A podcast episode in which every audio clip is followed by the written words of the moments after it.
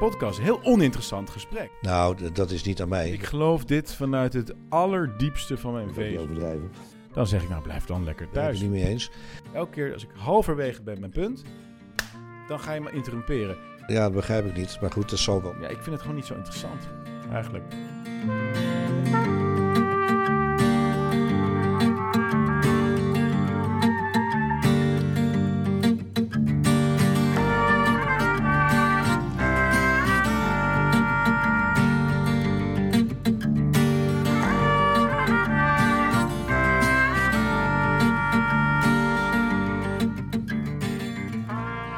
Quid quid latine dictum sit, altum videtur.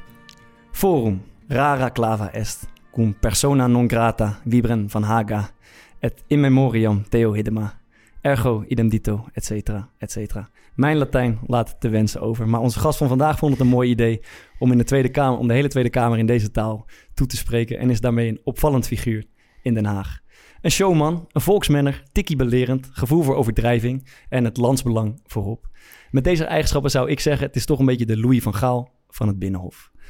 Forum voor Democratie leek klaar om Champions League te gaan spelen, maar voor het sluiten van de transfermarkt vertrokken een aantal sterspelers. Nu staat de ploeg een beetje onderaan het rechte rijtje. Wordt het paniekvoetbal richting 17 maart of toch nog een inhaalslag? Vandaag spreken we met Forum voor Democratie voorman Thierry Baudet. Dankjewel. Welkom, leuk dat je er bent. Eh, in het kasteel van Sparta. En ik vroeg me af, eh, is dat qua architectuur een beetje een acceptabel eh, decor? Nou, het is een hele klassieke vorm natuurlijk. Hè? Mhm. De arena die staat ook in Rome en zo.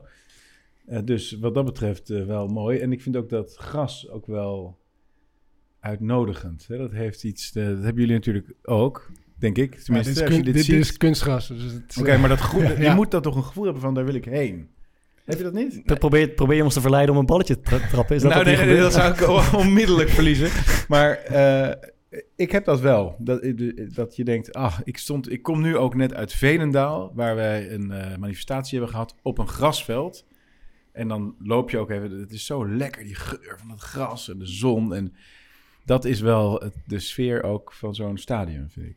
Heb jij gevolgd wat eh, Bart net zei? Want eh, ik denk dat Maarten en ik nog wel even nou, zo'n dus vertaling, cum, eh, quid persona Persona non grata. Volgens mij was het letterlijk potjes Latijn. Dus het was Of volgens mij via de Google tijd. Translate. Absoluut, gaan. Maar absoluut, Wat hij volgens mij wilde zeggen was nou de ene... Dus iemand die eerst niet erbij mocht. Die, die, dat was iemand van Hagen. Die is toen wel bijgekomen. Maar toen ging Theo Hiddema weer weg. en, eh, Ik ja. zou je zeggen, het is, het is een totale willekeurige volgorde van allerlei Latijnse woorden die ik heb geweten. Nee, de eerste zin is overigens, wat in het Quid, Quid. gezegd wordt, klinkt diepgaand. Ja. En daar, eh, Quid, dat- quid in Latino. Wat was hij ook weer? Dictum sit. Dictum sit, ja. Ja. maar goed. ja. Eh, Nou ja, u zult, maar een goede poging. Ja, ja. Ik vond, het ik vond het zelf erg leuk om, om voor te bereiden. U begrijpt, oh, sorry, je begrijpt dat wij ons toch een beetje zorgen hebben gemaakt de afgelopen week. Ehm, dat gedoe met Emma Wortelboer de afgelopen week bij... eh, Dat ik ook bij jullie voor- weg zou lopen. Zie je, we hebben toch hele week zit heen en weer appen. Gaat hij het flikken bij ons of niet? Ehm, maar eh, ik, ik, ik denk dat het goed komt. Maar ik, ik, eh, u heeft het daar, sorry, je hebt het daar over een typisch NPO-achtig interview. En ik vraag me af wat je, daar, wat je daarmee bedoelt.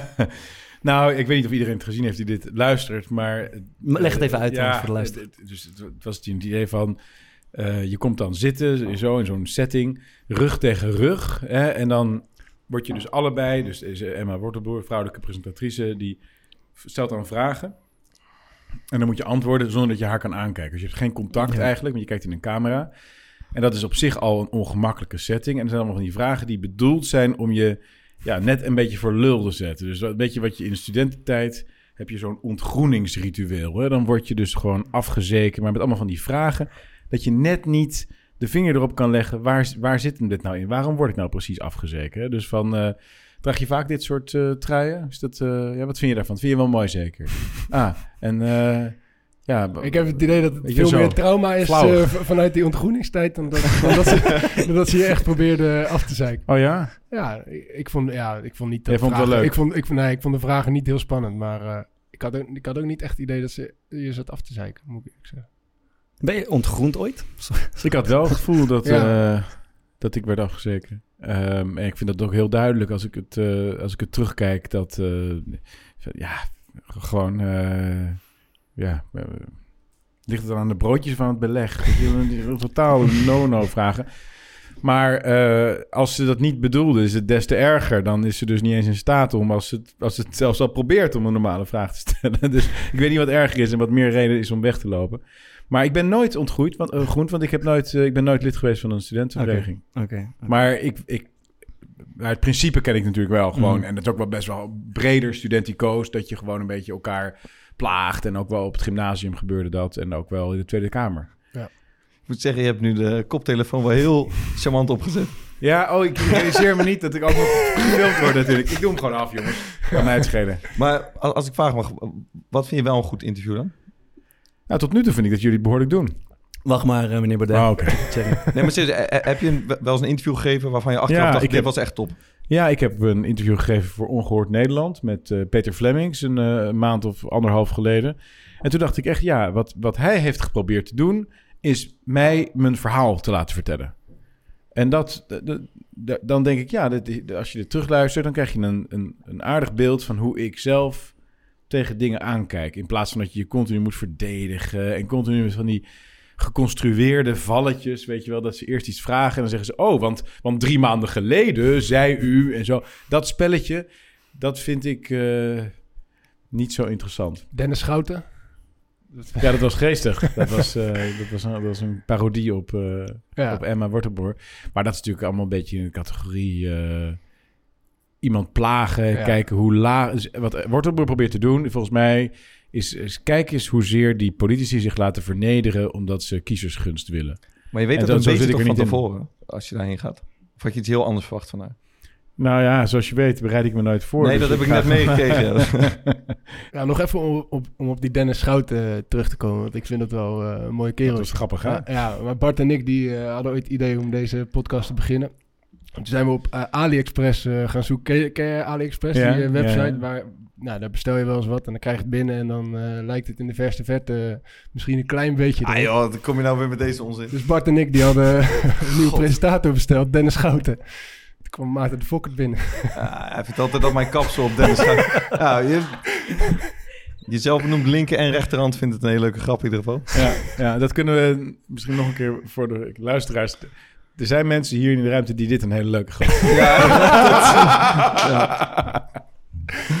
Oh jongens, ja.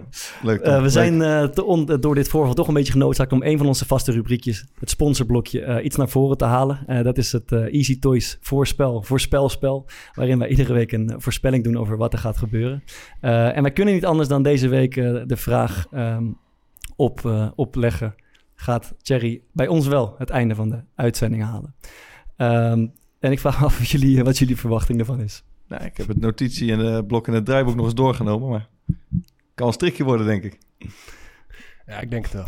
Ja, je denkt het wel. Ik denk het. Thierry, wat ik denk je hoop zelf? ook. Ja, leg even de spelregels uit. Ja, de spel is goed. Ehm, de voorspelling, ehm, mocht de voorspelling uitkomen en je hebt het aan het juiste eind, dan hebben we wat eh, te vergeven. Een eh goodie bag van Easy Toys. Eh, en die mag je eh, of zelf houden. En als je er geen interesse hebt, mag je hem weggeven aan een ander. Maar dan willen we natuurlijk wel even weten aan wie. Aan mijn linker en mijn rechterhand natuurlijk. Heeft, heeft ze het nodig, denk ik? Weet je wat Easy Toys is? Of, eh, Sextoy. Ja, ja, ja, ja. Seksspeeltjes, Ja, ja, dingetjes, ja. ja. Mevrouw Marijnissen eh, voorspelde vorige week dat de Feyenoord de beker ging winnen. Die lagen dezelfde avond nog uit de beker. Ja, dus nog- zij is niet met het pakket naar huis gegaan. Eh, de vraag is, eh, denk Oh, ze je... krijgt de afdankertjes van Lilian. Maar je hebt geluk, je hebt het een beetje in eigen hand eigenlijk, de voorspelling. nou, denk je dat je het, uit, aan het einde van ik denk deze het wel, want tot nu toe is het eh, prima. En ik ben niet... Ik, bedoel, ik, ik zit er eh, gewoon hier met de beste bedoelingen. Dus wat mij betreft gaan we gewoon een leuke avond van maken, jongens. Eens, eens. Ehm, eh, even over de liefde, toch? Ik probeer mijn hart even open te stellen. Want je bent gelukkig verliefd, lezen en hoor ik overal. Ehm, maar wat ik interessant vond is, jouw vriendin was eerst een aanhanger van Partij van de Dieren. Eh, en wij dachten, wij zaten even aan te filosoferen en we hadden het over... eh, we, we zaten aan Hans Theeuwen te denken, die ooit eh, een sketch maakte over... linkse meisjes houden van rechtse praatjes. Is dat ook waar jouw vriendin voor gevallen is? Nou, Davide, die, die vond mij eerst maar helemaal niks, hè. Mhm. Dus ik heb haar ontmoet in november 2016. Ja. En toen heeft ze na een aantal keer afspreken vrij resoluut gedacht... deze vent, Die moet ik niet hebben. die moet ik niet hebben. Ja. En toen is ze gaan reizen en eh, ze een half jaar in Zuid-Afrika gaan wonen. Van alles nog wat gaan doen. En toen, eh, maar ik bleef maar aandringen. Toen heb ik op een gegeven moment een roman, of een boek geschreven... waarin eh, ook een persoon, hoofdpersoon voorkomt, die heet Davide. Ook een beetje over haar geschreven. Mijn gevoelens voor haar. Dat is vrij rigoureus. En toen dacht ze, nou, van deze vent kom ik nooit meer af. Ga ik dan maar een keer afspreken. Holy shit. maar toen, dat- nee, maar, en toen, toen eh, is dat, dat moment is, de, is het gewoon helemaal aan. Zonder twijfel. Dat is een goede roman dus. Ja, ik, dat zou ik Ik- wel willen zeggen. Ik, eh, wat ik, ik heb je ook een keer eh, ergens horen zeggen... ehm, linkse feestjes zijn helemaal niet gezellig. Linkse mensen zijn intolerant en ook die linkse feestjes, daar wil je niet bij horen. Dan vraag ik me af, hoe zien rechtse feestjes er dan uit in vergelijking met linkse feestjes? Ik denk dat feestjes van mensen die de coronaregels serieus nemen... een stuk minder leuk zijn dan mensen die wat meer zelf kritisch nadenken.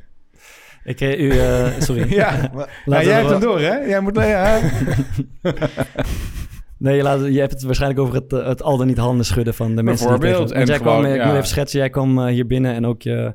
eh, eh, Linker en je- rechterhand. Je linker en rechterhand. en je steekt ons de hand uit. En wij hebben Ja. afgelopen jaar eh, toch een beetje ingeprent, ook vanuit het voetbal, om dat niet te doen. Dus wij reageren met een box. Heb je ons daarom, daarmee ook gelijk in een, eh, op een positie gezet? Nee hoor, want ik zag in jullie ogen dat jullie er zelf ook geen klap van geloven. Maar dat is nou helemaal zo. Nee, dus ik, daar kijk ik wel doorheen. Maar het is natuurlijk...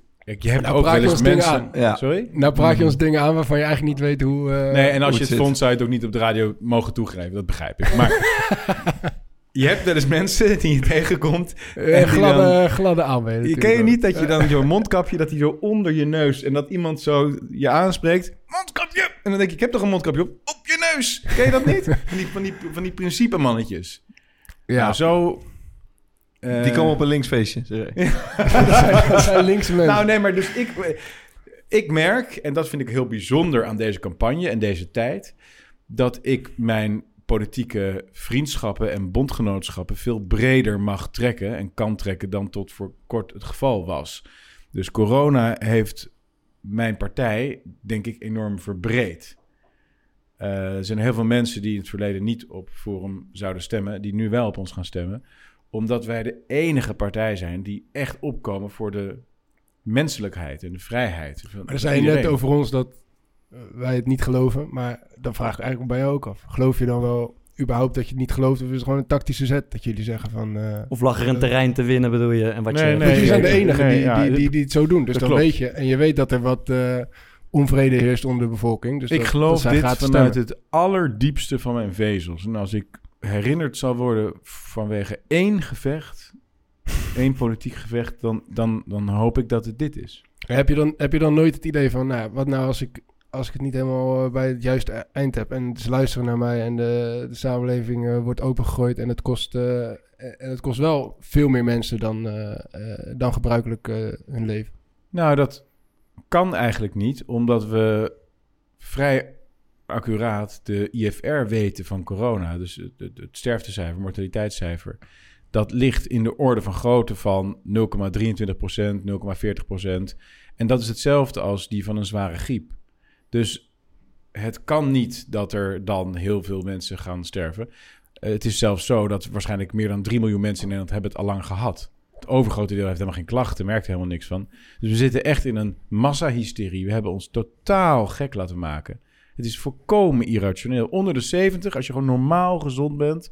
Ik heb het niet over mensen die suikerziekte hebben, obesitas, hartklachten en eh, COPD. Hoe ga je die beschermen? Maar Ja, daar ben ik ook heel nou, benieuwd. ik vind dat mensen in de eerste plaats zichzelf moeten beschermen als zij dat willen. Maar stel, Hoe- hoe eh, dan? Stel, je zit, stel Nou, je zit ja, in een, eh, in een eh, gewoon verzorgingshuis. En, Ja, maar thuis blijven. Maar dan gaan dan toch ook... eh, je woont toch met gezinnen thuis? En als bijvoorbeeld jouw kinderen naar school gaan... dan kan je toch alsnog van thuis oplopen. Maar dan ben je zelf thuis gebleven. Ja, dat klopt. Nou, gelukkig zijn er ook medicijnen tegen. Dus eh hydroxychloroquine en ivermectine, dat werkt gewoon. En eh, dan heb je 80% minder kans om te sterven. En eh, verder, Ja, ja, geloof ik niet. eh, Ja, jongens, nee, dat dat kunnen wij ook onmogelijk controleren. Nee, nee, maar, je- maar, je- maar, maar, je zegt in eerste instantie gewoon thuis blijven. Maar dat... Nou, dus mensen die, die zelf die geen risico willen lopen, die moeten geen contact hebben met andere mensen. Maar hoe, hoe doe je dat? Je kan toch niet, als je met een gezin bijvoorbeeld met vijf, zes thuis zit... of je hebt niet een heel groot huis, dat, dat kan toch niet? Sommige mensen vallen tussen een wal en schip. Als je, als je kijkt naar de tabellen van hoeveel procent van de bevolking boven de 65 stierf het afgelopen jaar, dan is dat in de orde van grootte van wat er de afgelopen 20 jaar stierf. Die tabellen zijn Ja, maar we hebben, toch ook openbaar di- we hebben toch dichtgezeten een half jaar? Ja, maar dat, lockdowns hebben geen enkel effect. Helemaal niet. Nee. Nee? Oké. nee dus er is heel goed statistisch vergelijkingsmateriaal tussen bijvoorbeeld... Ja, maar, weet je- maar, ook, maar als, als een lockdown geen hoop- enkel... ik hoop wacht, dat wacht, je- wacht. Als een lockdown geen enkel effect hebt, waarom zou je, hoe moet je dan jezelf afsluiten? Je zegt net dat een, iemand die kwetsbaar is zichzelf kan afsluiten. Maar als een lockdown geen enkel effect hebt, dan kan ik mezelf toch niet afsluiten? Nou, je, kijk, je kan als individu jezelf afsluiten. En als groepen individuen kan het dan niet. Nee, inderdaad. Dus 70 tot 75 procent van de besmettingen vindt plaats binnenshuis. Ja? Dus, Dus hoe sluit je jezelf dan af? nou, je kunt dus, als je zelf denkt, ik wil in isolement leven, dan kun je dus in een kamer gaan zitten enzovoort. En gewoon niemand zien. Maar eh, je dus, kunt... dus dat is dan de enige keuze die die mens geeft? Je gaat nou, thuis niet, in de kamer die- zitten? niet de keuze die ik die mensen geef. Dat is onderdeel van het leven. En het is een, het is een absurde propositie, een absurde veronderstelling... Maar je zegt aan de dat ene wij kant kunnen dat- leven zonder risico. Ja. Maar men- men- eh, eh, mensen gaan op een gegeven moment overlijden ze. Ja, dat vind ik ik. heel jammer, maar dat is al, Ja, al sinds de mens bestaat, is dat onderdeel van het leven. In de horeca vindt 2,7% van de besmettingen plaats. Het slaat nergens op om die dan te sluiten als 75% van de besmettingen plaatsvindt binnenshuis, thuis. Ja, ik kan alle... Die percentage heb ik niet bereiken. Dat, eh, dat geloof ik wel. Maar het, idee wat ik een beetje heb als ik je zo hoor praten... Kijk, als... Ik hoor heel veel experts het compleet tegenover, eh, tegenovergestelde beweren als wat jij nu beweert. En dan krijg ik een beetje het idee... eh, als mijn auto stuk is en ik zoek op YouTube op repareren auto... dan kan ik dat ook leren. Ja. Maar dat kan ik nooit zo goed als een automonteur. Want dat is zijn vak. En dat heb ik een beetje het idee hoe jij nu met die cijfers omgaat. Snap je dan wat ik, snap je wat ik zeg? Eh, ik denk dat ik snap wat je zegt. Eh, en ik probeer er eventjes eh, over na te denken. Ja, we hebben de tijd. hoe ik daar op een normale manier op kan op antwoorden. Of een, of- Ik denk dat er heel veel experts zijn die jij niet hoort. Want wat jij zegt van... ik hoor heel veel experts die vinden X, Y, Z... Dat klopt, want die worden bij de publieke omroep uitgenodigd... en die zitten bij het kabinet aan tafel enzovoort. Maar er zijn ontzettend veel immunologen, virologen enzovoort... die totaal andere opvattingen hebben hierover. En daarnaast is er ook nog het punt dat uiteindelijk... het is, virologen zijn geen, maken geen beleidsafwegingen. Het, is logisch als je kritiek op het beleid geeft, maar eh, je doet het voorkomen alsof dit virus totaal ongevaarlijk is. Maar En dat is het nog, ook. Maar dat is nogal, dat is inderdaad Ja, nogal is betwistbaar. Dat betwistbaar, zijn, Ja, maar daarom is het ook zo belangrijk dat ik er ben, hè? Voilà. Zullen we het, zullen we het coronablokje afsluiten en het toch even over voetbal hebben? Oké. Ik vind het een goed idee. Want eh, als ik zo naar je kijk, eh, heb ik niet het idee dat, je, dat er een voetballer eh, in je verloren is gegaan. Dat klopt. En dat heb ik niet mis. Oké, Wat ben, je- ben je sportief? Heb je iets met andere sporten? Ja, ik doe kickboksen Hm? en Bikram yoga. En eh, ik zit ook veel in de, sp- regelmatig in de sportschool. Ehm, maar maar dus ik, ik be- beweeg wel. En ik vind het ook leuk hoor om te bewegen. Maar ik ben niet, ik volg ook niet echt sport. Mhm. Dus je kijkt eh, nooit naar voetbal bijvoorbeeld? Nee. Eh, en, en als Nooit. Nederland zelf dan speelt? Of ze, ze halen zoals in 2010 Nee, geloof ik de finale van het WK? niet ook helemaal nee. niet? Oké. Nee. Ehm, wij, eh, wij vroegen net, hoe, hoe denk je Ik dat... gun het zo hoor. Maar Dat is galant. We vroegen net, hoe denk je dat de Forum scoort in de kleedkamer? En jouw reactie was waarschijnlijk hoog. ja, ik denk eh, 30% of zo. Nee, dat, is toch, eh, dat zit er toch een beetje naast. Wij hebben een peiling gedaan in eh, ongeveer 25 kleedkamers. Eh 3% van de stemmen ging eh, naar Forum. Eh, en eentje daarvan was eh, uit de kleedkamer bij jullie, Excelsior. Hebben we enig Ja. idee Ja. het was? Eh, Luigi Bruin zit. Ja. En die hoorden we, ze- die, die, ik zat een beetje met hem erover te praten. En, eh, Die is je grootste ja, fan, denk ik. eh, Ja, dat- die is... eh, we moesten hem ook... Verstandige man. we moesten Nou, het zal je heel verbazen. Maar... En die zei op een gegeven moment, zei die, eh, eh, ik vroeg aan hem, wat ga je stemmen? Hij zegt, nou, de kans is heel groot dat ik op eh Thierry Baudet ga stemmen. Maar ik moet nog heel eventjes zijn standpunten checken. is, Ja, ja, in- intuïtief mens.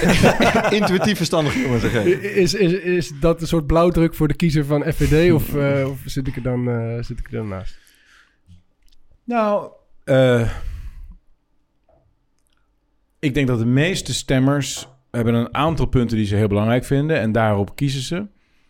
En eh, dan zijn er nog een heleboel andere punten die ze misschien een beetje weten.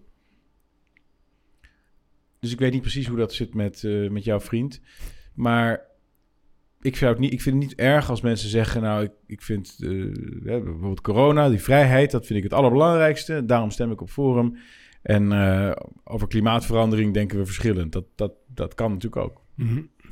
Ik heb altijd het idee als ik, nou, ik kijk dan een, eh, ik- op, op Facebook eh, zie ik regelmatig mensen uit mijn vriendenlijst die delen dingen van jou en eh, die zijn klaarblijkelijk fan.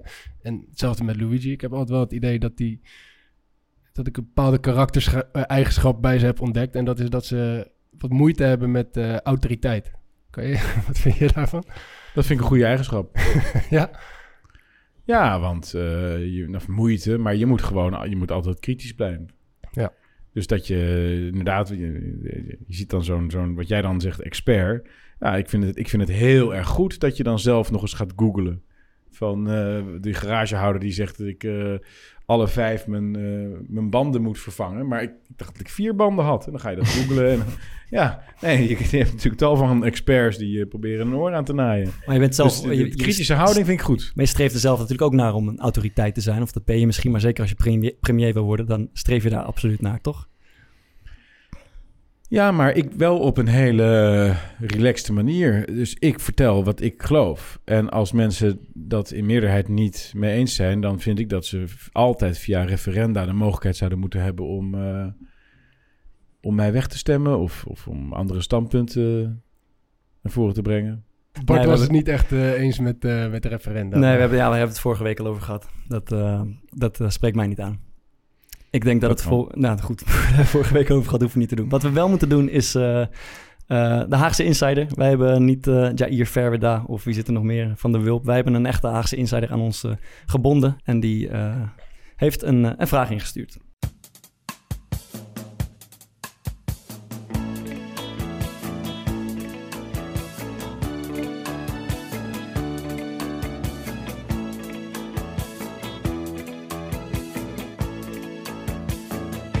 Hallo Thierry, hier de Haagse Insider. Wat hoor ik nou? Kloppen de peilingen niet? Jullie zouden meer dan drie zetels moeten hebben.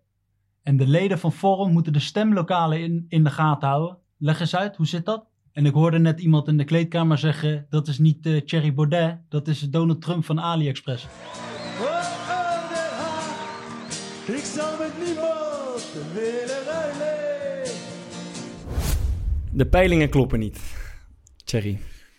Nou ja, eh, wie, wie- who knows, hè? Dus eh, uiteindelijk, alles is een model. Eh, Dus oh, klopt een rekenmodel wel of niet? Dat weten we natuurlijk pas zeker eh, op, op, op 17 je, maart. hebt daar geen, je hebt daar zelf Maar- geen bewijzen voor. Nou, alle andere informatie die ik krijg is totaal contrair aan de, Welke info aan de berichten in de peiling. Dus bijvoorbeeld leden. Er komen 100 tot 200 nieuwe leden per dag binnen de laatste tijd. Op, op hoeveel leden zijn jullie dan? Ja, ik dacht de laatste stand was 45.322. Maar, eh, Maar dat zegt niet zo heel veel toch over... Want vijf nee, maar wacht even, want ik, er zijn een heleboel eh, indicatoren. Dus Mhm. één is dus, ja, je kunt toch wel, kijk, als heel veel mensen lid willen worden, zit natuurlijk een, per- een bepaalde verhouding in dan enthousiasme onder de samenleving. De crowdfunding, de, donaties die binnenkomen, dat is door het dak gewoon. Eh, in, in, in, een, dag of vier hebben we meer dan 200.000 euro opgehaald als crowdfunding. Dus er is geen enkele politieke partij die dat haalt. Wij kondigen een, een korte tijd van tevoren aan dat we ergens zijn en het staat vol. Waar dan ook. Elke uithoek van het land. Ik geloof er geen snars van. Kijk, wij hebben, de aantal reacties het die wij geloven. Het aantal reacties wat wij op Twitter krijgen, denken we ook wel eens dat we op anderhalf miljoen luisteraars zitten. Maar de echte cijfers blijken toch dat het eh, een klein- echt een kleinvoud daarvan is. Want bijvoorbeeld Dus 100, Nou ja, het kan, maar, hè. maar bijvoorbeeld 100 nieuwe leden per dag. eh, dat is toch op een totaal aantal stemmers van, wat is het, 10, 12 miljoen. Dat is gewoon peulenschil. Ja, maar eh, er zit natuurlijk een bepaalde verhouding tussen mensen die lid worden en mensen die in algemene zin enthousiast zijn en mensen die een beetje enthousiast zijn en mensen die sympathiseren enzovoort. Mhm. Het is natuurlijk een piramide. En de, en de meest fanatieke van die piramide worden lid. Lid, snap ik. Maar er zit, het is niet zo, het is onwaarschijnlijk, laat ik het zo zeggen, dat je mensen hebt die lid worden en dan een hele tijd niks. Dat is ik- onwaarschijnlijk. Maar ik kan me wel voorstellen dat je... ehm, Ik heb wat dingen gekeken dat je bijvoorbeeld in, in, Tola aan het woord was. En daar spreek je over dat je echt een, een, een beweging wil vormen. Eh, bijvoorbeeld je een, ja, als het ware een parallele samenleving. eh, die, dat zeg ik goed toch? Wil creëren. En dat, eh, nogmaals, dat, dat is een beweging. En dat klinkt ook echt iets van... eh, daar moet je lid van zijn. En dat is echt een aparte groep. En ik denk niet dat veel andere partijen dat hebben. Dus dat kan dan toch ook verklaren... waarom je meer leden hebt dan andere partijen. En dat Ja. dat dan misschien niet... dat piramidemodel wat je net schetst... dat dat niet werkt bij jullie. Dat zou kunnen, maar ik heb ook dus allerlei andere elementen van informatie. Dus bijvoorbeeld die speech van Wieber van Haga in de Tweede Kamer, die is dan een dag later, zo'n speech is een dag later een miljoen keer bekeken. Nee, die heb Maar ik ook, dat die betekent heb ik ook gezien. Ik heb, dat heb ik ook ja. gezien bijvoorbeeld. Nee, oké, Dus maar hij is in- nu nog 900.099. Dat is waar, maar over het algemeen kun je wel zeggen dat eh, als veel mensen je video zien, dan hebben waarschijnlijk ook veel mensen je video gedeeld. En mensen delen en liken video's over het algemeen als ze het ook sympathie voor voelen. Dus ik begrijp dat dat niet hetzelfde is als een peiling, maar het geeft wel informatie over de achterban. Ehm, zullen we het over debatteren hebben? Ben je nou toch? Ja, Als je toch zegt. Ehm, want eh, nou, dat is een interessant eh, onderdeel van, eh, van je werk. Het debat is toch een beetje de, de voetbalwedstrijd voor een voetballer, is denk ik het, het debat, het grote televisiedebat voor de politicus. Vind, je het in vind je het leuk om te doen in eerste instantie? Nee. Waarom niet? Ja, het levert mij niks op. Ik krijg er niks van. Het, het is toch jouw kans om aan volk, aan, de grote tele, of aan het een groot aantal televisiekijkers te laten zien waar je voor staat en hoe je dat afzet tegen een tegenstander? Dat levert toch Het wel is niet mijn ervaring. Wij, Wat is jouw ervaring wel dan? Dat het gewoon een beetje gehakketak is. Vliegen afvangen, elkaar in de reden vallen. Eh, heb, je, s- heb je zelf wapens in het debat die je gebruikt? Of een sterk punt of een zwak punt? Ik denk dat ik vooral... eh, ik heb vooral een zwak punt. Namelijk dat ik, ik het oprecht niet interessant vind. Dat ik het oprecht niet leuk vind. En dat ik me gewoon Maar- doodverveel. Maar je hebt zelf, eh, als ik me niet vergis, de minister-president uitgedaagd tot een megadebat op televisie. Nee, hij heeft mij uitgedaagd. Maar daar doe je ook aan mee. Ja, maar ik vond dat wel iets anders. Kijk, dat, dat één op één debat met Rutte...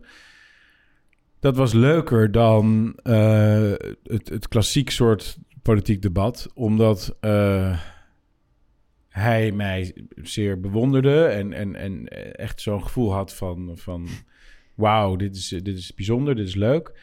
En we best wel veel common ground hadden. Best wel veel dingen waar we in grote lijnen dan dezelfde aannames hadden, maar een andere uitwerking. Dus het was een bijzondere setting. Je had ook langer de tijd. Dus dat vond ik, dat was iets totaal anders dan de standaard verkiezingsdebatten. Hm. Denk ik. Heb je, niet, eh, heb je ook niet iemand waarvan je denkt, nou, dat zou wel lekker zijn als, je, als ik daarmee in debat kan? Want dan kan ik mezelf eh, goed laten zien. Nou, nee. Nee, maar dit, dit veronderstelt ook dat ik er heel erg mee bezig zou zijn of zo. Maar, het maar is het kan ook toch- gewoon een onderbuikgevoel zijn, toch? Ik heb sommige clubs waar ik tegen speel, denk ik, ah, dat is lekker. En bij anderen denk ik, hm, dat ligt me niet. Ja, nou, dat heb ik dus niet met politiek. Is er ook niet iemand die je irritant vindt? Ik heb niet het idee dat je snel onder de indruk bent van iemand of denkt van, nou, dat wordt hem niet. Maar ik kan me wel voorstellen dat je in je achterhoofd denkt van, dit vind ik zo'n ontiegelijk irritante gozer. Of vrouw. Mag ook. Ik vind dat Hugo de Jonge, te midden van alle irritante gozers in de Tweede Kamer... Maak zijn top drie dan. Als je toch te midden van alle Nou. irritante gozer, dat insinueert dat, dat je er een hele hoop in, je, in gedacht hebt. Top drie. Nee, nee, Op, op drie. Nee, ik heb dat, ik, dat heb ik niet zo. Dat, ik, zit daar, ik zit daar ook niet Het om. lo- dit, dit, rubriek, dit rubriekje loopt natuurlijk van geen Nou ja, we- we- ik- ja, Ja. nee, maar eh Thierry heeft helemaal geen zin om te de- heeft, vindt debatteren helemaal niet leuk en heeft er eigenlijk helemaal geen mening jammer, over of want- idee over. Wat het idee, je bent best wel... je komt altijd krachtig over in het gesprek. Ehm, ik denk dat je voor veel andere politie eh, best wel intimiderend bent. Dus we hadden eigenlijk van tevoren tegen... oké, dit gaat wel een mooi onderdeel worden. Want hij heeft sowieso veel te vertellen over debatteren. En over zijn technieken erin, maar... Helemaal niet. Het gaat We zaten, er, we zaten er echt falikant Ja, naast. Misschien moeten we gaan tackelen daar, jongens. Ehm, ik, ik heb nog een... Ik, ik, ik kijk veel eh, ook naar jouw debatten, naar je interviews, et cetera. En ik... ehm, Wat, ik, wat ik je vaak hoor zeggen is dat, het, eh, dat je gevoel hebt dat het een, hek, een heksenjacht is, een, eh, een, een, klopjacht, inquisitie noem je het. Eh, en daarmee doe je eigenlijk op de beschuldigingen die jou worden geuit. En daarvan, daarvan denk ik altijd, ehm, dat is toch de taak van journalisten, bijvoorbeeld mensen met wie je een gesprek voert, om dat soort dingen boven tafel te krijgen. Als wij zometeen eh moeten gaan stemmen, dan willen wij toch weten wat voor man Thierry Baudet is, wat daarachter ligt, wat zijn ideeën zijn. En als er dan eh, appjes lekken of andere verhalen spelen waar je mee geconfronteerd wordt, dan is jouw reactie, als ik er zo van een afstandje naar kijk, altijd: het is een hetze, ze zoeken me, het is een, een klopjacht. Maar ik van denk, die informatie, wij, hebben toch, wij moeten die informatie toch hebben om op 17 maart een goede keuze te kunnen maken. Waarom? Omdat ik, als ik eh, ga stemmen, wil ik weten niet alleen wat voor partijprogramma het is, maar ook wat voor, met wat voor persoon ik te maken heb. Dus jij gelooft niet dat politici recht hebben op privéleven? De- absoluut wel, absoluut wel. Dat is... Maar dan eh, kun je toch alles kun je dan toch tot, tot onderdeel van iemands persoon verklaren en dus jouw recht op als kiezer om. Nou, ik denk als je, nou, ik denk eigenlijk tot op zekere hoogte. Want als je volksvertegenwoordiger bent, volksvertegenwoordiger wil zijn, premier wil worden zelfs, ehm, ja, dan gelden misschien ook een beetje andere wetten. Dan moet het volk worden ingelicht over, eh, over informatie, over wat, met wat voor persoon we te maken hebben. En als het dan, door dat dan steeds als een klopjacht of een heksenjacht ehm, te beschrijven, dan denk ik, daar, daar doe je het publiek ook een beetje mee tekort. Want daar doe je de journalistiek eigenlijk mee tekort. Want het is, hun, journalistiek wel, ja. want het is, hun, het is toch hun taak om dat boven, over, boven tafel te krijgen. Nee, denk ik niet. Natuurlijk wel. Dat, zij Nee. zijn er toch ook om de politiek te controleren, om de machthebbers te controleren en om het, Ja, publiek, kijk- het publiek voor te schotelen waar we op moeten gaan stemmen op 17 Wat, maart. wat, wat journalisten, de meeste journalisten in Nederland, die geloven in, politieke journalisten, die geloven in complottheorieën. En, en wat ze mij verwijten, dat is een, dat is een, een complottheorie. Dus Maar zij, sorry conspiracy. Ze hebben, zij hebben dus het idee, achter alles wat Baudet doet. Hij heeft twaalf boeken geschreven, is al tien jaar een publiek persoon waar hij lezingen geeft en, en laat zich dagelijks interviewen. Is over, daarachter, dat, dat is dus dat is zeg maar 80% van mijn leven zit daarin. Maar daarachter zit eigenlijk een totaal ander persoon die totaal andere opvatting Maar als je, heeft. als je niks, Dat te, een als je niks te complottheorie, verbergen hebt, als je niks te verbergen hebt, dan maakt het er ook niet uit. Oké, geef je telefoon, maar dan ga ik even al je appjes lezen. Kom maar. Wil je zeggen? Ja, doe maar open. Ja, Vind je kut, hè? Ja, tuurlijk is het Ja. kut. Maar, maar, Het ik kies, namelijk- maar ik kies er toch Nee, niet maar voor, het ik kies er slaat- toch niet voor nee, nee, om, nee, om, nee, eh, nee. om politicus te worden. Nee, maar het slaat namelijk Nee, maar oké, alsnog, als Nee, je maar ik zal het uitleggen. wordt, Ja, maar ik wil het uitleggen. Dan gewoon... moet je wel uitpraten. Het slaat nergens op. En de, de, het punt is dat buitenstaanders privé dingen niet kunnen begrijpen. Maar het, het is ook bijvoorbeeld wel eens gegaan over eh, antisemitisme. Nou ja, dan, roep je, dan word je volgens ook te, te verant- ver- verantwoording geroepen bij verschillende programma's. En dan leg je uit van, nou, dat, zo ben ik niet, zo eh bla bla bla. Dat, dat, dat zeg je allemaal duidelijk, dus die woorden die moet je ook wegen. Maar eh, waarom hint je dan bijvoorbeeld, en ik snap dat dat een technisch-juridisch verhaal is, maar een paar dagen geleden naar het Nuremberg Oh, omdat eh, iemand proces. Dat- ja, Die vraag stelde. ja, oké, maar, maar waarom hint je dan eh, eh, eh? Nee, Want dan, die- die dan geef je persoon- toch bepaalde mensen weer een stok Nee, om die mee te persoon slaan. stelde die vraag. In Zoetermeer was die persoon al aanwezig. En toen vroeg hij naar mijn visie op Nuremberg-tribunaal.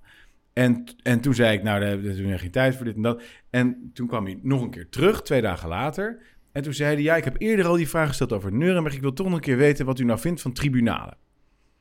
En toen heb ik gezegd, nou ja, en wat ik dus, mijn mening daarover is, moreel gezien was het Nuremberg-tribunaal volledig te verdedigen. Maar juridisch was het kwestieus. En dat is een Maar je begrijpt toch dat het niet, dat het niet handig is voor de... breed gedragen opvatting Ja, onder juristen. Dat is niet Ja, nee, maar dat begrijp ik. En wat ik en, eigenlijk daar, wilde daar gaan we geen discussie over voeren. wilt u dat Rutte voor een tribunaal? zeg ik, nee, ik wil gewoon dat hij weggestemd wordt.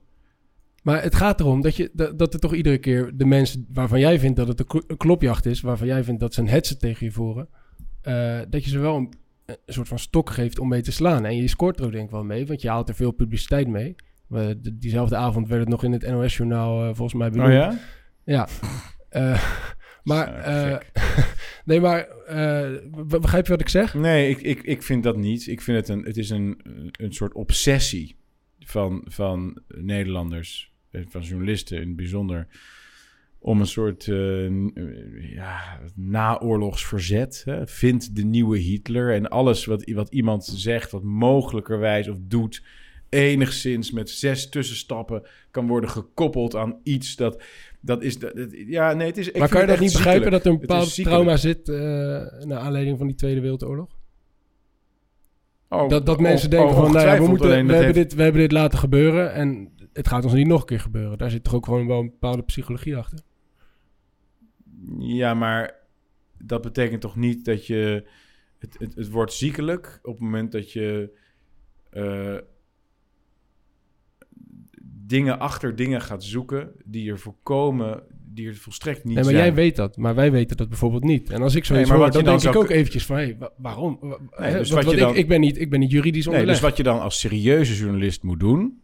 Maar ik ben geen journalist. Het gaat nee, maar goed, om... eh, NOS-journaal opende daarmee, zei jij. Wist ik Nee, niet. nee, Ik ze openden niet mee. Het, werd, het, werd genoemd. Werd nou, whatever, maar- je werd er niet op veroordeeld of wat dan ook. Het werd Maar mijn alleen- punt is dus, wat je dan zou moeten doen als journalist, dat is mij opbellen of contacteren. Zeggen, kun je dit even uitleggen? Want ik, ik ben natuurlijk ook niet echt heel erg hoog opgeleid. Ik ben maar een journalist. Maar leg even uit hoe het allemaal zit. Nee, maar ik, snap het niet. En, en als je Ik dan, begrijp- ik begrijp- dat is hoe je dat moet doen. Nee, en dat tuurlijk, geldt ook voor die, die Maar je, je, hebt, je hebt overal wel weer een verhaal eh, eh, voor uiteindelijk. Ja, en, dat is, en, dat is, en, dat is, dankjewel. en dat is prima. Eh, misschien heb je overal een goede verantwoording voor. Maar ja, als, als, als ik als gewoon normale burger zoiets zie...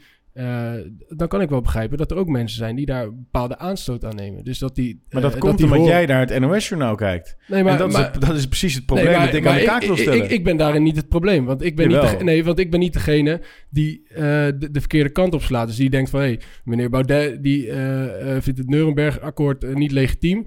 Dus nou, die, die, die, die zal eh, lekker ver aan de rechterkant zitten. Dus dan ga ik op hem stemmen. Want, dan, eh, want dat, dat zijn namelijk mijn idealen. En- die idealen liggen dichter bij, eh, wat we net zeiden, Hitler... dan bij... de idealen die we graag zouden zien. Dus dat, dat bedoel ik te zeggen. Je, je schuurt er wel een beetje tegenaan altijd. Nee. En, en, Absoluut ja, dat vind ik wel. Nou, En, vind ik niet. Ja, omdat jij, omdat jij jouw beweegredenen kent. Nee, maar ik ken je- ze niet. Omdat er een obsessie is bij journalisten die allemaal geloven in een complottheorie. En die complottheorie is dat ik mijn hele leven in het dienst stel van bepaalde idealen die ik opschrijf, die ik uit, die ik op alle mogelijke manieren. Maar dat daar eigenlijk iets anders onder schuil zou moeten gaan. Wat ze dan bij elkaar rapen met kruimeltjes hier en daar. Creëren ze een soort patroon, zoals ze dat dan zien. Waar ze dan een hele wereld bij fantaseren. En dat is, dus- is een projectie van hun eigen obsessie met in het naoorlogsverzet moeten zitten. Nee, maar dat, maar dat begrijp ik. Maar, maar, da- maar daar zit toch ook gewoon die, die, die, die, wond zit daar toch gewoon, nog? Nee, het Ik is... bedoel, het is toch logisch dat je, dat, dat, dat je zoiets hebt zien gebeuren... en, en dat je daar... eh, eh, dat je weet wat is gebeurd, dat je ervoor wil zorgen dat zoiets nooit meer gebeurt. nee, En, en dan is het toch logisch dat je, dat je mensen die een bepaalde aanleiding geven op, op dat gebied, dat, Nee, je die, maar- dat je die wat verder ondervraagt. Ja, ik blijf... Jij herhaalt jezelf, dus ik ga maar zo ook Ja. maar weer herhalen. Hm. Ik doe dat helemaal niet. De, ik geef helemaal nergens aanleiding toe. Ik, ik, ik, ik ben op geen enkele manier de dingen die zij mij, waar zij mij van verdenken. Maar iemand die paranoïde is, die, die leidt aan een, aan een geestelijke eh, af, stoornis, die gewoon voortdurend een patholoog. Het is, het is een pathologie. Het is een ziekelijke neiging om overal de natie te ontmaskeren. En dat is, dat is, dat, ja, dat begint langzaam absurde trekjes te Toch vertonen. dat, bij ik hoor je vaak het, het woord eh, complottheorie eh, aanhalen in deze context. Maar daar ben je zelf toch ook niet vies van, in, in veel gevallen. Ik hoor je vaak suggereren dat er een soort... Al, neem de partijkartel of ehm, de klimaatcrisis. Ik hoor je heel vaak suggereren dat daar een soort van andere agenda achter zit... en dat het een echokamer is van mensen die elkaar steeds aanvullen. Dus dat, dat, daar maak je toch zelf ook schuldig aan?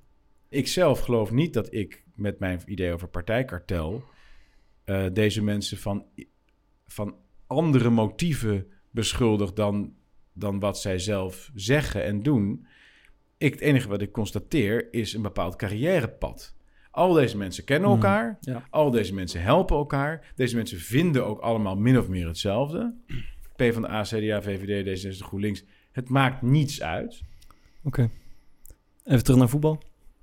Laten we maar weer teruggaan naar voetbal. Kijken of, of ons volgende rubriekje wat meer, eh, wat meer in je straatje ligt. Ehm, de transfermarkt. Eh, dat houdt in dat eh, spelers van club wisselen in de winststop of in de zomerstop. In de politiek is dat eigenlijk ook het geval. Er dus een komen en gaan van, van eh, politici in, in partijen. Zo ook in jouw partij. Er is veel veranderd de afgelopen jaren. Ehm, in de winterstop zouden we kunnen zeggen, heb je Wiebren van Haga aangetrokken. Is dat de man die FVD vooruit heeft geholpen? Wieber heeft heel veel gedaan. En doet heel veel. eh, ja, hij heeft zich helemaal ingevreten in het eh, corona-dossier. En dat doet hij geweldig. Ehm, het is ook een, eh, een leuke man en een, een zeer ervaren politicus. Hij is 38 jaar al in de politiek, Mhm. politiek betrokken. Dus daar leer ik veel van. Ik ben heel blij dat hij erbij zit. En er zijn natuurlijk ook, je hebt begon de introductie met, je had een best wel sterke, eh nou, een sterrenformatie oprecht zou je kunnen zeggen. Een tijdje geleden, we hadden het over Joost Eertmans, eh, Eva Vlaardingenbroek, eh, Annabel Nanninga. Had je een sterke ploeg bij elkaar verzameld. Ehm, maar die zijn er om verschillende redenen eigenlijk uitgedruppeld. Zou je een, je grootste miskoop kunnen bestempelen in die ploeg?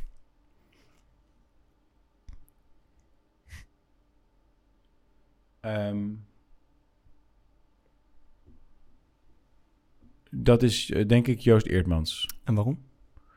Omdat, eh, doordat ik hem eh, opstelde in de basis. Nice. Leuk, Jay heeft een voetbalmetafoor gebruikt. Toch- toch We hebben hem eindelijk zover. Ja. Eh, ehm, doordat ik hem opstelde in de basis, eh, eh, eh, veranderde het krachtenveld in de partij. In het elftal. En ehm, Als de dus elftal, als, als de elftal wordt, ben je tevreden of niet? Eh, nee, nee, ik ga voor 20 zetels. Oké. Maar dus wat ik, wat ik denk dat er gebeurd is, is dat er binnen Forum, omdat we heel snel zijn gegroeid natuurlijk ook, en je bent jong, je trekt allerlei mensen aan, dat er eh, behalve de, de mensen die, die principieel iets anders willen dan de huidige politiek, en daar behoor ik zelf toe, dat er ook eh carrièrepolitici bij kwamen. Mensen die in principe mee willen doen met het politieke spel, Hm. en ook de, de randvoorwaarden accepteren en zo.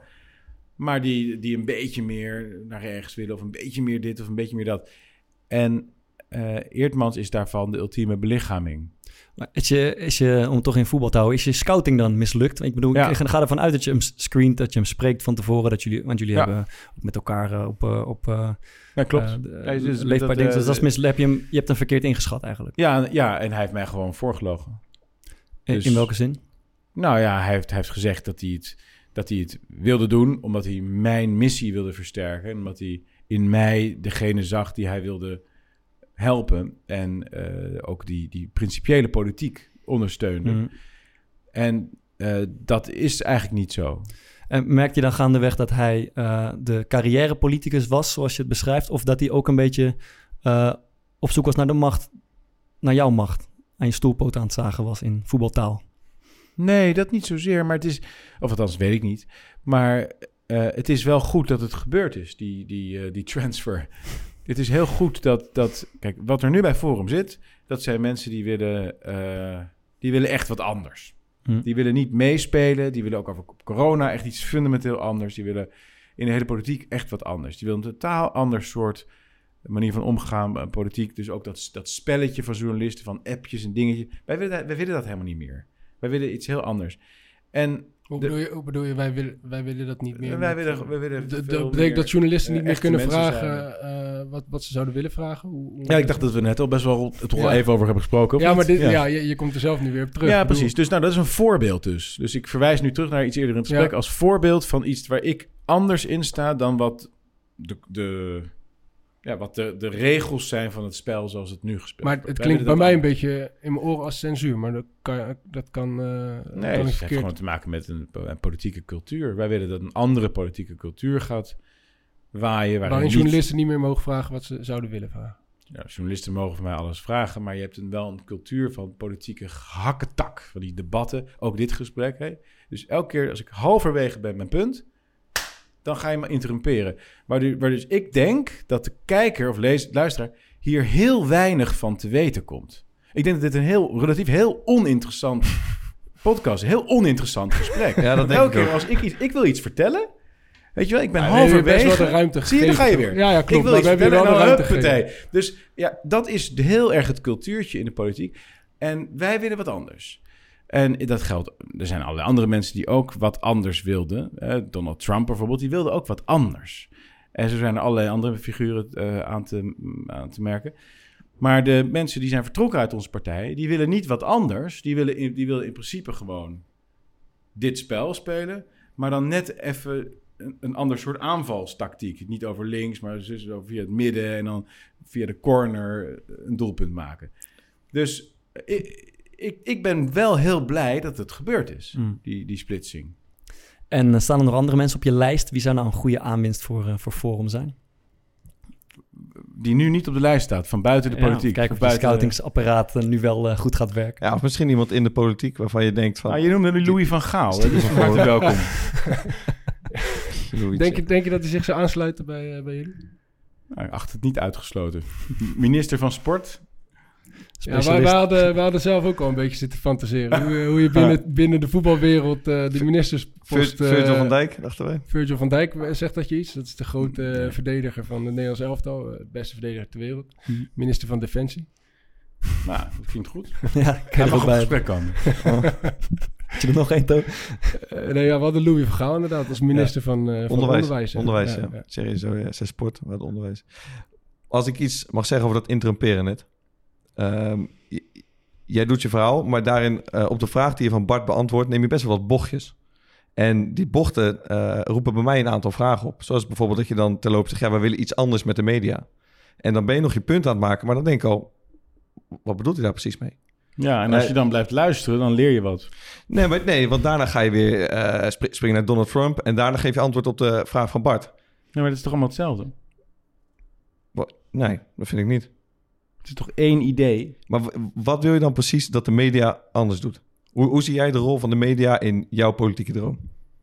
Ik zou graag willen dat ehm, eh, in, de, in de journalistiek veel inhoudelijker ge- gerapporteerd en gevraagd werd wat, wat er aan de hand is, wat de standpunten zijn. Veel feitelijker en veel minder gericht op relletjes. Da- daar zit wel wat. Ja. Ja, zeker. Vind je dat je genoeg aan het woord bent gelaten in de, in de media de afgelopen jaren? Nee, ik denk dat eh, de context en de, en de, de, de, framing waarbinnen en het soort vragen die gesteld worden, die zijn heel vaak heel erg aanvallend. Bijvoorbeeld ook dit interview. Ik, even, ik, ben, ik, ik heb nog eigenlijk nog helemaal niets verteld over hoe, hoe ik de dingen zie. Ik ben eigenlijk alleen maar me aan het verdedigen. Dus alleen maar van, eh, en dan natuurlijk kan, kan ik iets uitleggen en dan kan ik het misschien redelijk uitleggen. Maar het is allemaal heel aanvallend en heel erg gericht op mij, zeg maar, kort houden. En ik vind dat ontzettend jammer. Want ik heb dus ik, ik heb heel veel leuke dingen te vertellen, volgens mij. En dan moet je niet zeggen, oh, wat dan? Ik- Maar het is altijd... Dus bijvoorbeeld, ik, had, eh, ik zat ook een tijdje geleden bij Buitenhof. Ja, vertel even een mooi verhaal. Ja, vertel jij dat is een mooi verhaal. En eh, deze interviewer, die heeft dus zich helemaal tot de tanden bewapend met allemaal dingen. En ik ben alleen maar aan het aanvallen. En alleen maar aan het hakken, takken. En alles wat ik zeg, en dan heb ik iets toegelicht. En dan meteen het volgende onderwerp eh, klaar, weet je wel. Echt een soort spervuur. En dan denk ik na afloop, ik vond dat ik het redelijk gedaan heb. En dat ik eh, prima mijn punten op zich wel. Maar denk ik, wat heeft hij nou geleerd? Of wat heeft de kijker nou geleerd? Heel weinig. Heel, het is heel weinig eh, oprecht geïnteresseerd. Het is heel weinig oprechte gewoon interesse van wat drijft iemand nou? En wat, wat drijft iemand nou? En ik denk dat dat ook geldt voor deze podcast tot nu toe. Ik denk dat Ja, ja, de luisteraar, die is eigenlijk heel weinig over mij te weten gekomen. Het is heel erg, ja, toch gehakketak, verdedigen. Klopt het nou wel of klopt het nou niet? Ik denk dat de verwarring is groot en het gevoel dat dan dus blijft hangen bij luisteraars, dat is iets, dat is een beetje een conflictueus gevoel. Zo van, nou, die Baudet, ja, die schuurt ook wel overal tegenaan. Poeh, nou, wel een moeilijk mannetje. Nou, nou ik ga toch maar op eh, Mark Rutte stemmen, bij spreken. En, Ja. maar los van waar je op gaat stemmen, eh, ja, het is, het is jammer, hè, want mensen hebben dan hier naar geluisterd of, of zijn halverwege of wat dan ook. Maar ja, ik denk dat mensen, ja, ik vind het gewoon niet zo interessant.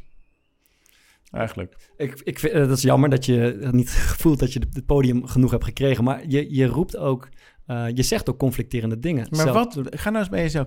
Wat willen jullie nou weten van mij? Behalve dus dat jullie allemaal dingen hebben bedacht van tevoren. Bedacht, oh, nou, maar dat, daar moeten we vragen. Daar moeten we wel naar vragen. En oh, maar dat is dat niet tegenstrijdig Ja, met dat. Maar wat valt wil je wel nou vanuit je hart... Wat zou je nou willen weten van mij? Gewoon echt van, goh, vertel nou eens. Hoe, Nee, hoe is dat nou? Nee, waar we, dat waar we net een, eh, een gesprek over hadden, over, eh, eh, over dat bepaalde dingen eh, aan je kleven. En, en dat, dat, daar was ik gewoon wel echt benieuwd naar. ja, maar dat, is dus, dat, om- omdat dat ik- zit hier, hè? Nee, tuurlijk. wat, Maar, wat, wat wil je nee, nou maar dat- weten? nee, maar dat is ook vanuit mijn hart. Om, om, omdat als ik dingen zie en, en dingen hoor, en, en dan gaat het waarschijnlijk ook weer over clickbait-journalistiek, maar dat lees ik en zie ik wel, eh, dan, dan vraag ik me wel af. eh, En, en ik zie je ook zeggen van het is niet zo. Ik heb eh 80% van wat ik opschrijf is, eh, eh, klopt niet met, met, met het beeld dat geschetst wordt. Maar dan, dus ja, we hebben net het gesprek al gehad. Dan, dan ben ik gewoon echt benieuwd waarom je die bepaalde aandeling. totaal niet over. En ik denk ook op het luisteren niet. Ik denk dat niemand dat, dat eh, die botsing tussen ons eh, hoorde en dacht... nou, die interviewer die, god, die, die spreekt echt vanuit een persoonlijk gevoelde interesse. Die, die, die, die zit echt, die worstelt echt met een Ja. vraag. Dat geloof ik niet. Nou ja, dat, dat, ja dat, dat is aan jou. Ik bedoel, dat maakt mij ook niet zo Ik uit. geloof dat, je maakt mij, ook niet zo ik, uit. Maar probeerde, ik, geloof dat jij mij probeert te laten struikelen. Maar, maar nee, dat is dat, niet dat, waar. je hebt nee, het is- bedacht en je wilde, je wilde daarop op Nee, inhakken om te kijken of ik onderuit maar, ga. Maar, dat maar, nu, maar nu doe je met mij hetzelfde als wat jij vindt dat andere mensen met jou doen. Want nu, eh, ik bedoel, ik heb helemaal geen eh, rare dingen gezegd. Ik was gewoon oprecht benieuwd naar eh, wat je ervan vond. En nu, Nou, en nu, le- nu leg je mij in de mond, eh, eh, woorden in de mond dat ik jou probeer te laten struikelen. En dat is niet waar. Want dat, is, eh, dat, dat slaat helemaal nergens op. Want ik vind het op, oprecht ook belangrijk dat jij de ruimte krijgt om te praten. En die ruimte heb je volgens mij ook gehad. En, Nee, ik heb wel wat- gepraat. Alleen alles wat ik heb, waar, waar, we het over hebben gehad, was op mijn helft, zeg maar. Om het in voetbaltermen. Dus ik alles is defensief. Jullie zijn aan het aanvallen. En jullie hebben allemaal dingen bedacht die, waar je mij op kunt aanvallen. Nee, dat is niet waar. En nou, oké, maar zo ervaar ik het. En zo ervaar ik heel vaak de journalistiek in Nederland. En ik vind het eh, prima, hè, tot je dienst. Ik, ik weet dat dit, dit is het Maar wij zijn helemaal geen journalisten. Dus, Nee, dat dus wij, wij, maar- wij, wij zitten, wij zitten helemaal maar niet van ga je weer in de reden vallen. Maar wat ik dus wil zeggen, dat gaat nu komen. Dit was de inleiding. Ik vind het zo jammer dat dat zo is, omdat er zoveel meer is om over te praten, wat zoveel interessanter is. Er is zoveel wat leuk is om het over te hebben met elkaar, waar we misschien ook best wel heel erg het eens zouden kunnen zijn enzovoort. Maar daar komen we helemaal niet aan toe, omdat al die hoofdjes van die journalisten, en ook van jullie, jullie zijn dan geen journalisten, maar jullie hoofden wel, zitten helemaal vol met van tevoren bedachte dingen waarop we eens eventjes lekker gaan botsen. Nee, maar dat is En niet waar. daarom hou Maar ik dat ook niet van jij. die debatten. Maar dat denk het jij. allemaal van tevoren bedacht is. Daar ga ik die op aanpakken en dit. In plaats van, jongens, waar zijn we het nou zo over eens? Waar, waar moet het nou heen met de wereld? Wat, wat, wat, voor een, wat voor idealen hebben we eigenlijk? Wat willen we eigenlijk? Zo, Dat is, dat is een heel ander soort gesprek. En Dus zo zou de politiek meeknikken. ook kunnen zijn. Dus zo is het natuurlijk niet. Maar dat, dat is wel een I have a dream. Maar, maar, je, maar jij zegt op die heb. dingen en vanuit onze idealen reageren we daarop. En, en, en blijkbaar eh, conflicteert dat. Dus maar dat- ik maar- voel maar- die idealen helemaal niet bij jullie. Ik voel, jullie, geven, jullie laten niets van jezelf zien in dit gesprek. Ja, dat klopt. En daar ben ik het mee eens. Eh, eh, maar ik vind aan de andere kant ook eh, dat we jou genoeg ruimte geven en dat we ook gewoon normale gesprekken met elkaar proberen aan te gaan. Kijk, wij, wij zijn, eh, zoals Thomas zei, wij zijn geen journalisten, wij zijn voetballers en we zijn ook geïnteresseerd. Wij, wij kijken naar jou al jarenlang en, en we krijgen de kans om een beetje te spreken wat leuk is. Maar dan zijn we, dan, dan, dat roept dat vragen op, dan zijn we geïnteresseerd in een aantal dingen en eh, ja, die gelegenheid nemen we. Waarvan akte? Nou, prima om hierop door te gaan. Eh, Heel soeverein, ja. Eh, nou, en je kan zeker nu weer het podium pakken. Eh, aanraders van de week. Wij zijn elke week tippen we de luisteraar met eh, iets wat we moeten zien, moeten luisteren, we moeten doen. Ehm, en ik ben razend benieuwd, Thierry Baudet, waar je de luisteraar mee wil verblijden. Het liefst wil ik dat de luisteraar samen met ons luistert naar ons campagnelied. Dat vind ik extreem toepasselijk in deze tijd. En dat is Free as a Bird van de Beatles. Goeie keuze, Thomas. Ja, dat is een goede keus. Ik, had- ik had hem al voorbij horen komen bij, eh, eh, bij, bij Ruud de Wild. Ja, Ja. Nou, ik, ik zou eigenlijk graag nog een spelletje willen spelen met je. Als je dat, eh, als je dat leuk vindt. kom maar door. Ehm, eh, ja, je hebt het vaak over het kartel. Eh, en je had het in je overwinningsspeech bij de eh, verkiezing eh, van de eh, Provinciale Staten over eh Boreaal. Dat wordt vaak genoemd, dus we hebben die twee termen maar gepakt. Eh, wij hebben een aantal eh, mensen, politici. Eh, en dan zou ik van jou willen vragen... eh, Zou je die willen bestempelen als lid van het kartel of als een mooie boreale lul, om het zo maar even, even, even te noemen? Oké. Eh, en dan begin ik met Geert Wilders. Boreale lul. Hoezo? Nee, ik, nou, ik, ben heel, ik ben heel goed met, met Geert Wilders. Ik vind hem erg moedig en ik, ik heb in het verleden ook op hem gestemd. Er zijn een aantal dingen waar wij verschillend over denken. Maar ehm, ik zie hem niet als iemand die het spel meespeelt. Wat nou als jullie samen op 75 zetels komen en eh, Eertmans heeft één eh, zetel weet te machtigen? Nou, dan hem- mag eh, hij Trek je hem erbij? voorzitter van de campingraad worden. Volgende, Wiebren van Hagen. Ja, ook een, een niet-kartelspeler. Een, een, een echte autonome een boreaal. En, Ja. tot, eh, en, en- en tot aan een, eh, een- een jaar geleden, voordat hij jullie, bij jullie kwam, was het toen ook al? Of eh, moest hij nog eh, flippen? Ja, hij moest nog een beetje flippen, denk ik. Dat zal hij zelf ook wel eh, onderkennen. Dat het voor hem ook echt afkicken was. Nou, het is iets meer dan een jaar geleden. Het is denk ik anderhalf. Hè? Eh, hij heeft er echt tijd nodig gehad ook om eh, los te komen van 38 jaar VVD. En geleidelijk aan zijn we naar elkaar toegegroeid. En daar is een hele mooie vriendschap uit voortgekomen. Had je dat van tevoren kunnen weten? Toen, toen, Nee. je, toen je erbij haalde? Dus was een kleine gok? Of, eh, Nee, ik heb hem er pas bij gehouden toen die... toen hij inmiddels een boreale lul... eh, Toen, toen, nou ja, dus wij gingen een beetje samenwerken, dingetjes samen doen. En geleidelijk aan groeide dat contact. Toen zijn we ook een keer lekker gaan eten. En eh, ik ben nog een keer bij hem thuis geweest. En eh, er was steeds meer contact en steeds meer eh, vertrouwen. Lodewijk Asje? Ja, dat is natuurlijk een kartelman. Pieter Omtzigt. Kartelman. Poetin. Kartelman. Jort, eh, Jort Kelder. Eh, nou, Jort, ik zou zeggen, Jort is 50% van het een en 50% van het ander. Randje Boreaal alweer bijna. en wij? Ja, te jullie zijn kartel. ja.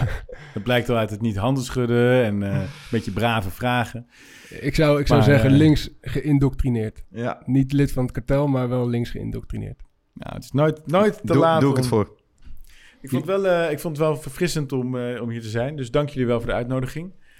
En ik hoop dat het een, een Oninteressant. Een beetje eh, Nou ja, goed, ik weet niet hoe het voor anderen is. Hè. Ik, ik heb natuurlijk ook al duizend keer dit soort interviews gedaan. Dus eh, daarom misschien het ook wat, wat meer sneller verveelt. Ik heb nog één vraag en dat gaat eh, over, over het, eh, het liedje van de week. Eh, en dan moeten we toch even terug naar het dineetje eh, wat jullie in, in Tiel hadden met de partij. En dat het volgende liedje werd gespeeld.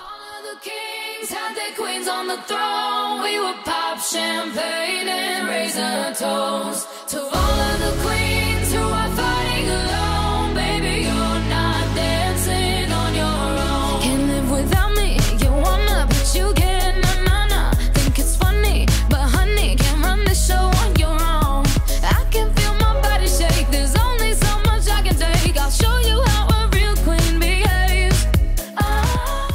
denk dat we toch wat raakvlak hebben gevonden.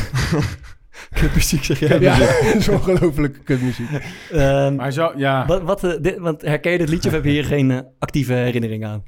Nee, ik heb er geen herinnering aan. Maar dit is denk ik Ace of Base of zo. Iets Ja, Scandinavisch. Maar wat, gaat, Eh, wat, Eva, Eva Max heet ze. wat, wat, gebeurt er, eh, wat gebeurt er in jou als je, als je bij dit partijdiner komt en je hoort dat deze muziek wordt gespeeld? Oh nee, maar zo ging het helemaal niet. Ik had muziek op staan. Hij pakte mijn telefoon Oké. af en zette iets anders op. Eh, toen ik even wegliep, toen kwam ik terug en heb ik weer zelf. En toen, en toen heeft hij voor een tweede keer mijn telefoon afgepakt en op mijn telefoon de muziek overgenomen. In een combinatie met een aantal andere Hmm. acties die buitengewoon ongepast waren en irritant, Hmm. ben ik toen uit mijn slop geschoten. En heb ik gezegd, ben je nou helemaal de besodemieterd? En dat heb ik later ook, dag later weer goed, twee, drie dagen later heb ik gezegd, joh, eh, sorry dat ik zo horkerig deed. Maar dat was eh, absoluut niet de... Dan moet ik je wel één... Niet met de Dan ga van ik, ga, ga ik je toch nog een keer gelijk geven vanavond. Als je in de kleedkamer zit en iemand heeft muziek op staan... en jij gaat zomaar zeg maar, aan de muziek zitten sjoemelen... dat is wel echt... Dat is nat dan. Kijk. Dus, kunnen we toch lekker eindigen. Yes! Zullen we afsluiten met uh, Free is a Bird dan van de Ja, Beatles? Mooi. Dankjewel jongens. Jij bedankt. Jerry, bedankt.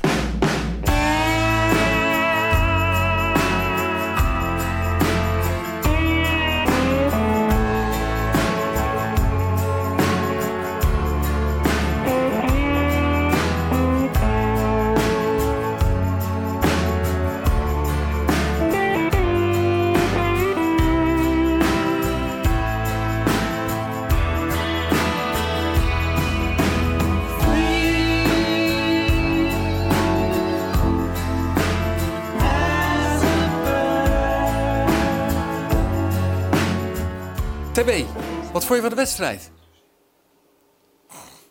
Deze wedstrijd. Eh, voorspelbaar en, en behoorlijk eh, saai. Ja, saai. Ik kan me voorstellen dat je er ook helemaal gek van wordt dat je altijd maar in die verdediging staat. Je wilt toch ook een keer aanvallen? Nou, of, of, of als het, wat ook nog kan, is dat je gewoon lekker balletje gaat overtrappen. Dat je denkt, joh, die goals, dat is voor, dat kennen we nou wel. We gaan, we gaan gewoon lekker mooi, eh, lekker, lekker, lekker voetballen. In plaats van altijd om het winnen, om het scoren. Dan gebeurt er weinig. Ja, het gaat te veel om het scoren en te weinig om het voetballen. Wat vond je van het gesprek? Nee, ik vond het een moeilijk, eh, heel moeilijk gesprek. Ik eh, bedoel, we gingen met, eh, met hele open intenties eh, gingen we erin. hè. je bereidt je op een bepaalde manier voor op die wedstrijd. En eh, ja, uiteindelijk eh, werd het toch een vrij eenzijdig verhaal... waarin hij eh, zijn, eh, zijn politieke eh, ideeën probeerde te spuien... en wij het daar niet mee eens waren. En ik denk dat dat eh, niet altijd eh, even interessant was. Ja, maar hij ging zo leren. tekeer tegen jullie. Hoe voelde je je op dat moment? Wa- Wat bedoel je daar precies mee? Nou, dat hij zei van, dat jullie maar de hele tijd hem in een bepaald hoekje aan het drukken waren en heel erg aanvallend speelden en dat hij continu op eigen helft speelde, verdedigend en dat het daardoor eigenlijk een heel saai NPO-achtig gesprek werd. Ja, nee, ja, zo, zo zie je maar weer. Er zijn eh, altijd twee partijen en, eh, en wij hebben deze wedstrijd heel anders ervaren. Ik bedoel, we vonden juist dat, eh, dat hij heel aanvallend was en dat wij vanuit de counter tot kansen probeerden te komen. Ja. Vond je dat hij probeerde te voetballen? Nee, kijk, we hebben in deze podcast een, eh, een aantal rubriekjes waarmee we het een beetje luchtig proberen te houden. Eh wij hebben nooit de intentie gehad om, eh, om met hem te debatteren, want we weten dat we daar niet goed in zijn. We ik heb nooit de intentie gehad om hem te laten struikelen, want dat lukt geen enkele interviewer, dus waarom zou mij het wel lukken? Maar de, de, de rubriekjes, daar vond ik hem, ja, als het hem even niet zint of als het even niet om inhoud gaat, dan of hij kent het niet, of hij eh, vindt het niet interessant genoeg. Dus dat, dat is een moeilijke, een moeilijk gast om mee te werken. Maar goed, eh, daar leren we ook weer van. En eh dit nemen we allemaal mee in ons rugzakje naar Farid Azarkan.